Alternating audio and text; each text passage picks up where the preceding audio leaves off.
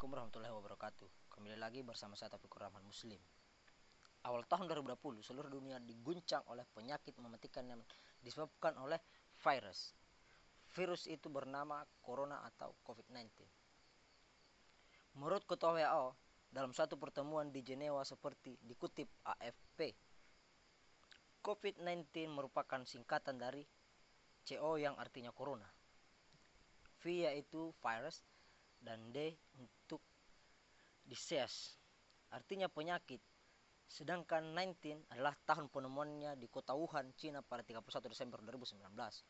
Menurut beberapa referensi, virus corona atau COVID-19 menyerang sistem pernapasan manusia. Wow. Mungkin kita pun masih ingat pada kerabat virus ini beberapa tahun lalu sebab penyebab SARS dan MERS yang dinyatakan berasal dari hewan lalu melur ke manusia. Virus corona tergolong sadis karena dapat mematikan atau dapat menyebabkan luka permanen pada paru-paru pasien yang sudah terinfeksi dan sembuh. Secara umum bila ada yang mengalami demam, flu, batuk, dan sesak nafas, dalam batas waktu tertentu ini adalah suatu gejala penyakit COVID-19. Maka harus ada kewaspadaan dari kerjasama yang baik dengan keluarga atau rekan kerja selama beraktivitas di dalam rumah, di ruang kerja, dan di ling dalam lingkungan masyarakat.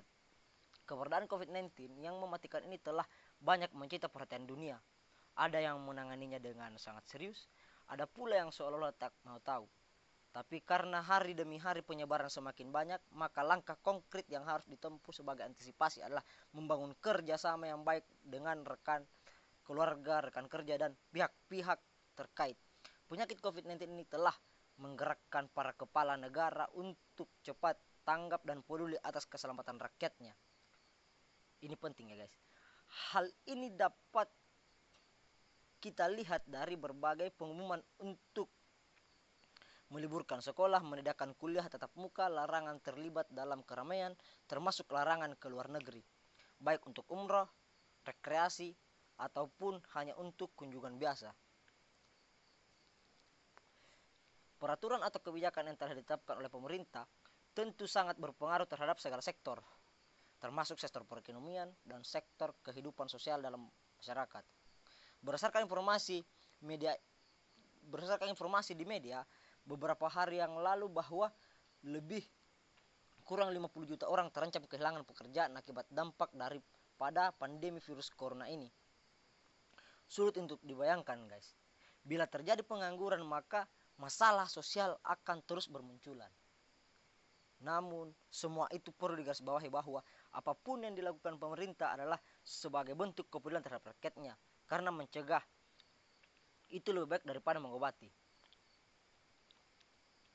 Selain itu, dampak pengaruh virus corona atau COVID-19 dalam kehidupan sosial masyarakat di antaranya adalah timbulnya rasa curiga dan hilangnya kepercayaan terhadap orang-orang yang ada di seputaran kita atau yang baru kita kenal. Sebagai contoh, pada saat kita membeli makanan, baik di warung yang berlabel maupun kaki lima, kita pasti akan mencari tahu bahwa bersih atau tidak. Apakah kepala ada bersentuhan dengan orang yang terjangkit virus atau tidak. Adakah petugas atau pelayan yang mencuci tangan pada saat mengelola atau memproses makanan yang kita pesan atau tidak, sehingga timbul keraguan. Pada saat ini kita berbincang dan berjumpa, baik di lingkungan kantor maupun di lingkungan rumah, kampus, apa pun di lingkungan sekitar kita dan uh, kita kita melihat bahwa masyarakat sekarang enggan berjabat tangan. Meskipun ini yang paling uh, sulit ya guys ya. Meskipun mereka bersama orang tua sebagaimana yang diajarkan kepada anak, kita untuk selalu mengharapi orang yang lebih tua. Namun situasi saat ini mengharuskan kita untuk menghindar berjabat tangan dan harus menjaga jarak paling lebih 2 meter bila ingin berbicara dengan orang lain apalagi orang yang tidak kita kenal. Untuk mematuhi imbauan dan dan pertemuan atau rapat mengharuskan kita memakai masker. Tapi di sisi lain ada juga yang tidak menggunakan masker bahkan batuk sembarangan. Hal ini tentu menimbulkan kecurigaan. Kita pun tergala cepat menghindar. Masalah ini tentu akan membuat yang bersangkutan merasa tersinggung. Apalagi kalau ada yang mengatakan bahwa itu corona ngeri ya guys ya rekan kerja tentu langsung meninggalkan atau menjauhinya Astagfirullah. Virus corona atau COVID-19 telah melumpuhkan perekonomian dunia, termasuk salah satunya adalah Indonesia. Sebagaimana terlihat dalam kehidupan sehari-hari di kalangan menengah ke bawah seperti pedagang kelontong, penjual ikan, dan pedagang sayur di pasar, mereka merasakan menurunnya daya beli masyarakat karena ketidaknyamanan para konsumen dalam berbelanja. Dan lain lagi, kisah seorang sopir yang biasanya dapat memenuhi kebutuhan keluarganya, tetapi dengan merebaknya kasus virus corona ini, masyarakat enggan menggunakan transportasi umum. Kasihan juga ya. Grab, dan lain-lain sebagainya. Imbauan pemerintah untuk lockdown atau karantina mandiri di rumah masing-masing dengan meliburkan aktivitas tatap muka di sekolah, perguruan tinggi, dan kantor perkantoran tidak semuanya memat tidak semua mematuhinya. Bahkan ada yang menggunakan waktu karantina mandiri untuk berlibur. This is plus 62. Ini adalah negara plus 62 santai guys santai aja dan bahkan warga plus 62 ini tidak tahu bahwa apa yang dia lakukan itu menjadi masalah bukan hanya untuk diri sendiri tetapi juga untuk masyarakat. Maka sangat dibutuhkan kepada warga Indonesia atau plus 62 sangat dibutuhkan kesadaran akan keselamatan diri dan lingkungan. Sejak diberlakukannya peraturan tidak dibenarkan ada keramaian seperti di masjid, maka semua masjid, hampir semua masjid pada saat salat berjamaah hanya beberapa orang yang hadir, sehingga masjid sepi. Wow, ngeri. Situasi ini menimbulkan kegelisahan. Apakah semua larangan yang telah ditetapkan semuanya bermanfaat? Karena dari satu sisi sebagai umat Islam apabila masjid tidak ada lagi orang yang salat berjamaah tidak ada lagi pengajian, tak terdengar lagi zikir, maka tanpa sadar kita telah meninggalkan model modal menuju akhirat. Bukankah dengan adanya musibah kita seharusnya semakin memenuhi masjid untuk bersikir dan berdoa? Kegiatan dilaksanakan di masjid tentu bagi yang merasa dirinya sehat dan uh, untuk pencegahan virus corona bila perlu pemerintah juga memasang alat pengukur suhu tubuh ketika memasuki masjid. Menghadapi musibah COVID-19, bukan hanya para medis yang berperan, tetapi juga hendaknya pemerintah mengajak para ulama dan pemuka ulama, pemuka agama untuk ikut berperan aktif sehingga masyarakat merasa tenang dan tidak terhantui oleh berita-berita menakutkan. Ya dengar tuh ya guys, jangan sekali-kali uh, menyebar berita hoax tentang COVID-19 apalagi menakut-nakuti masyarakat. Karena ketakutan yang menimbulkan kecurigaan kepada sesama manusia. Walaupun saya misalkan dengan teman saya teman saya saya batuk sedikit pun atau batuk batuk saya bukan batuk corona tapi saya dijustifikasi. Eh otomatis ada ketersinggungan sosial dan ini berpengaruh di faktor sosial kehidupan bersosial kita oke okay. ada juga yang dibutuhkan yaitu peran serta keluarga dengan memberikan pemahaman dan penanganan yang baik kepada anggota keluarga menjadi faktor utama dalam keberhasilan menangani COVID-19. Akhirnya hmm, kita pasti akan kembali kepada Allah Sang Pencipta. Jika waktu itu telah tiba maka tak ada seorang pun yang mampu mencegahnya. Namun sebagai manusia kita harus berusaha untuk terhindar dari penyakit dan menjaga umur dengan baik. Wabah COVID-19 atau yang familiar disebut dengan wabah corona ini banyak membawa dampak sosial yang luar biasa di mana tata dan sosial masyarakat dengan budayanya yang luar biasa sudah diobrak-abrik oleh si corona ini. Setidaknya yang saya katakan ini adalah pengalaman atau yang bisa bisa saya lihat langsung di kehidupan masyarakat. Walau mungkin banyak yang tidak peduli atau tidak mau tahu, tapi saya yakin mereka telah sedikitnya merasakan perubahan. Tata sosial dan budaya masyarakat kini telah terkini kita ini terkenal dengan ramah tamah, bertemu, bersalaman, cipika-cipiki, senyum, sapa, hangat yang selalu terpencar. Tapi apa sekarang yang terjadi? Senyum itu seakan hilang, tertutup masker yang beraneka ragam, bentuk dan warna. bisa bersalaman dan cipika-cipiki. Oh, tidak guys ya, tidak. Kita sekarang harus jaga jarak akibat wabah ini. Belum lagi dari segi kesehatan, ya memang menggunakan masker untuk mengantisipasi virus dan bakteri masuk, tapi bagaimana kalau kita sudah mulai pengap atau jenuh dengan masker itu? Tergantunglah ia di dagu, di bawah mulut, atau diletakkan sembarang tempat. Lalu, pasti ini cara yang kurang benar karena bisa menimbulkan penyakit yang baru. Ada lagi, kebiasaan yang kebiasaan yang yang hilang itu kebiasaan kita berkumpul eh, ibu-ibu ini arisan orang yang mau pesta undangan itu dan lain sebagainya. Uh, kegiatan-kegiatan kemasyarakatan contoh gotong royong bersih bersih masjid dan lain sebagainya. Beribadah bersama dan lain-lain. Dulu itu adalah hal yang paling rutin dan hal yang paling terindah di kehidupan masyarakat kita. Sekarang jadi hal yang sangat dirindukan bahkan diimpikan. Sementara ini kita harus lebih banyak berdiam diri di rumah keluar bila benar-benar ada keperluan. Dengar ya dengar. Keluar bila ada keperluan. Jangan jadi saya mohon teman-teman jangan sekali-sekali untuk uh, meremehkan ini virus. Tetapi di balik kehebohan wabah ini yang berdampak pada sosial dan budaya masyarakat kita tidak selamanya negatif. Coba kita pikirkan yang dulu kita uh, tidak dibuat betah di rumah selalu ada saja alasan untuk keluar rumah. Untuk keluar rumah untuk inilah untuk itulah. Sekarang harus berusaha betah di rumah. Bagi seorang ibu banyak bagi seorang ibu banyak hal positif yang bisa kita dapat antara lain. Kita jadi semakin dekat dengan uh, ini untuk ibu ya semakin dekat dengan suami anak-anak ngobrol bercanda dan mengeluarkan hal-hal yang selama ini terpendam. Yang positif tentunya supaya tidak merasa bosan. Kita jadi semakin kreatif di dapur ibu-ibu. Selalu berkreasi untuk seluruh anggota keluarga supaya lebih nyaman dan betah di rumah.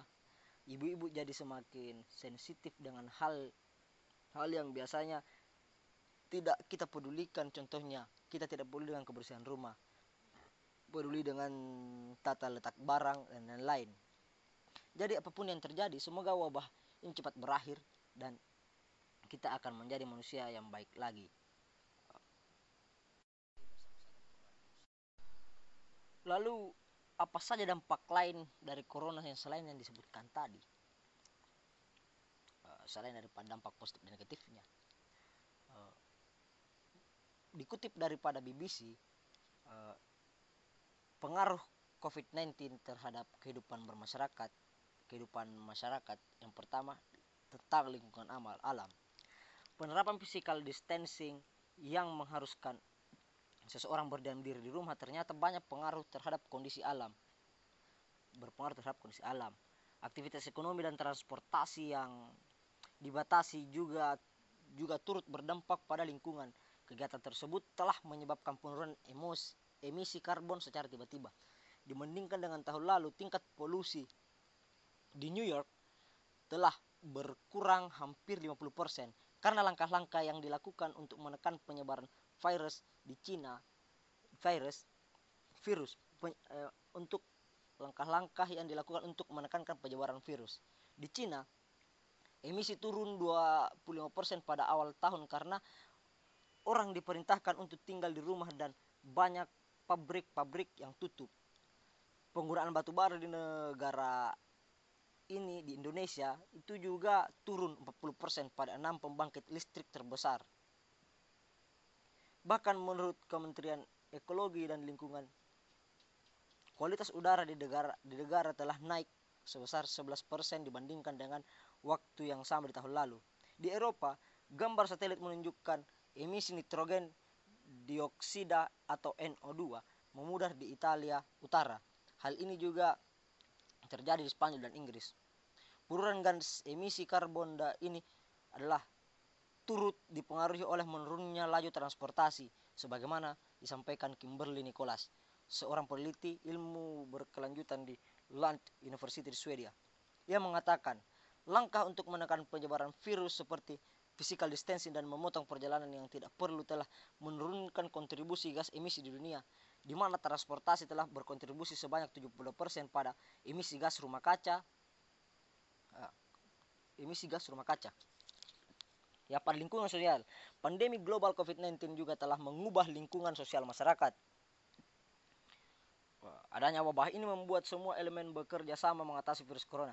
Di Indonesia sendiri telah ada bantuan atau lunasi yang banyak digalakkan mulai dari kalangan selebriti, pengusaha hingga masyarakat umum.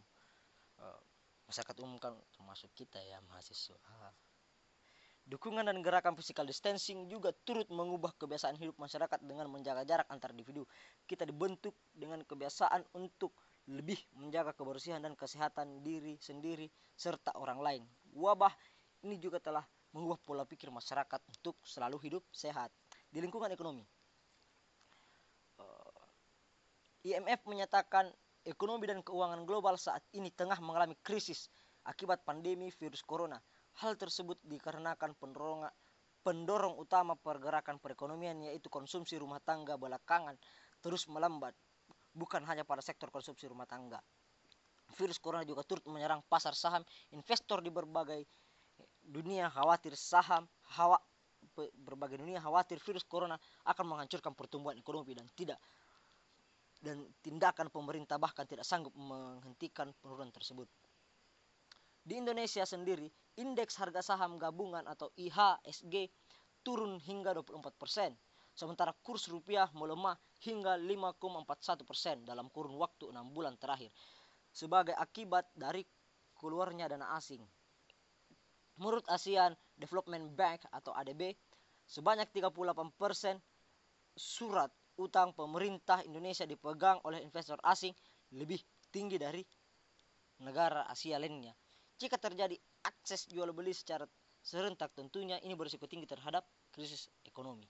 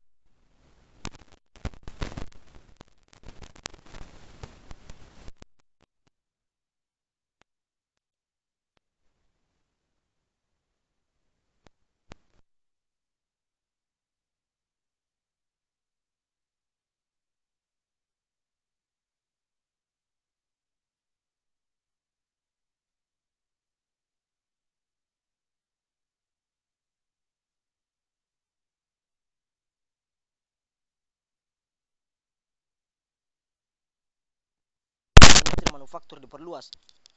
Pasalnya, perlambatan ekonomi saat ini pasalnya perlambatan ekonomi saat ini tidak hanya dirasakan oleh sektor industri manufaktur, tetapi juga sektor-sektor lainnya.